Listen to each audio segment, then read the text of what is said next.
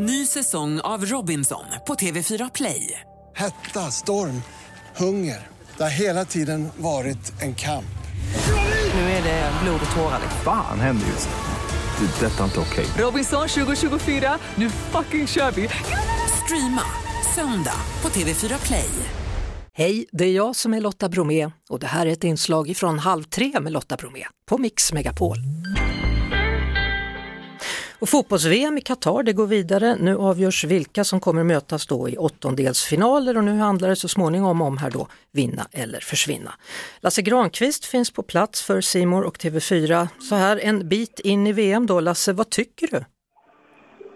Men först och främst måste jag tacka dig för att du spelar julmusik för mig. För jag sitter ju ute i öknen och åker från den ena miljardarenan till den andra. 28 Ja. grader varmt och mer än det. Så det, det blir en enorm skillnad faktiskt med, med att få höra lite skön, eh, sköna jul, jultakter. Nej. Nej, men alltså, turneringen så här långt går in precis som du beskriver i det avgörande skedet. Nu handlar det om att vinna och avancera eller åka hem. Eh, och så är det ju faktiskt redan nu när gruppspelet ska avgöras. Till exempel den matchen jag väntar på, Danmark mot Australien. Och jag kan berätta till dig, jag befinner mig på en av de här miljardarenorna, Al Janoub Stadium. Eh, det är nervöst hos danskarna. Det är inget snack om det. De är bättre än Australien, har ett bredare lag, borde vinna, men du har det där med att det ska spelas om det också.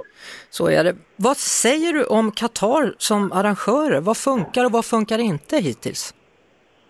Vi har ju pratat mycket eh, i rapporteringen härifrån om förutsättningarna som kopplar till mänskliga rättigheter och, eh, och de delarna. Sportsligt, alltså, de har investerat motsvarande ungefär 2400 miljarder svenska kronor i det här mästerskapet. Och lägger du då till, det är ju så mycket pengar som man förstår Nej, inte. lägger du då till att de nästan har, nu ska jag ta i, men 2,4 miljarder funktionärer, de är överallt. Och de hjälper till med allt. Och de ser till att det fungerar och att det flyter. Så rent arrangemangsmässigt så finns det ju ingenting att klaga på överhuvudtaget. Det problemet är att eh, ett korrupt internationellt fotbollsförbund har sett att turneringen är här. Och problemet är migrantarbetarnas väg in till detta. Sen har vi en lagstiftning i Qatar. Eh, Jag är torrlagd sedan 14, eh, 14 dagar. Det är väl i konkurrens med hur många andra har det. Rätt så enkel eh, utmaning att acceptera men det är ju ändå sant.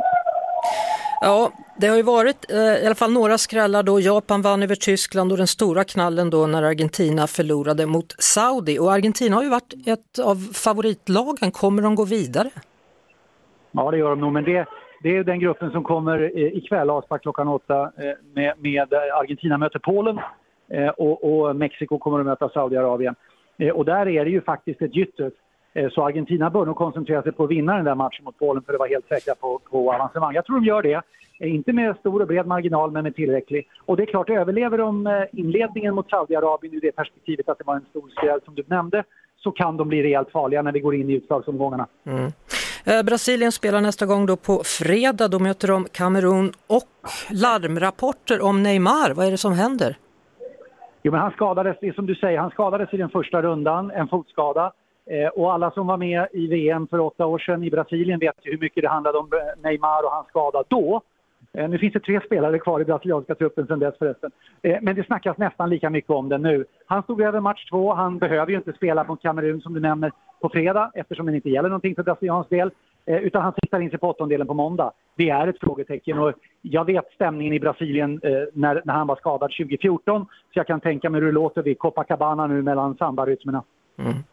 Sen dagens stora knall då, eh, det talas om en transfer av Ronaldo till saudiska Al Nasser. Du pratade om 2400 miljarder förut för att arrangera hela det här.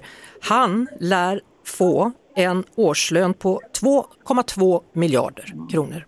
Mm. Nej, men vad är det för något? Jo, men alltså det går inte att räkna och förstå. Men är det någonting de har här är det ju pengar. Eh, därför att de har naturtillgångarna. Eh, och där är ju förutsättningarna för att de som vill, vill tjäna stora pengar och kommer från, från Europa då har den starka möjligheten. Det har vi sett flera exempel på i andra sammanhang också. Lionel Messi är, är turistambassadör åt Saudiarabien exempelvis. Henrik Sten som spelar golf, bla bla. Men alltså alltihopa det där är ju i grund och botten en fråga om pengar och kronor och ören. Nu kan jag ju tycka att, jag vet inte hur många miljarder han redan har. Hur många som helst faktiskt, tror Han jag. borde väl, han Ja. borde väl kunna lira i, i någon annan klubb någonstans Mm. som, som kan tänka sig att betala en, en dräglig lön och han kanske till och med skulle kunna gå ner några tiotals miljoner och ändå tjäna mer än 50. Ja, vi får väl se, men jag tror rätt mycket på det där ryktet för han är ju klubblös i och med att han försvann ifrån Manchester United. Då. Och sen får vi så småningom också se om Messi drar till USA, för det är ett annat rykte som går just nu. Ja, men det där är väl en, en intressant del. Han fick ju lämna Barcelona under ganska uppmärksammade former. Barcelona hamnade ju i det här läget av att ha höga skulder och inte kunna betala hans lön och de där delarna. Han hamnade i Paris Saint-Germain. Paris, där har, jag, jag menar, har han trivts där? Ja, sådär va. Men det kanske kan vara kul för honom att åka och uppleva eh, solen i USA. Var det inte Miami han skulle till?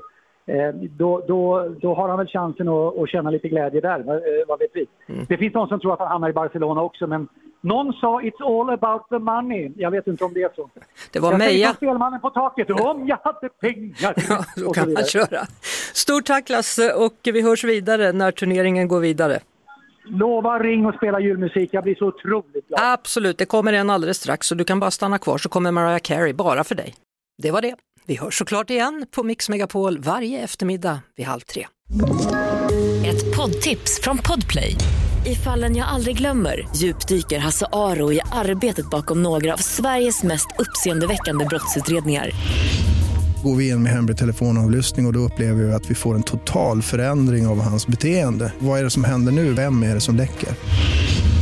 Och så säger han att jag är kriminell, jag har varit kriminell i hela mitt liv men att mörda ett barn, där går min gräns. Nya säsongen av Fallen jag aldrig glömmer på Podplay.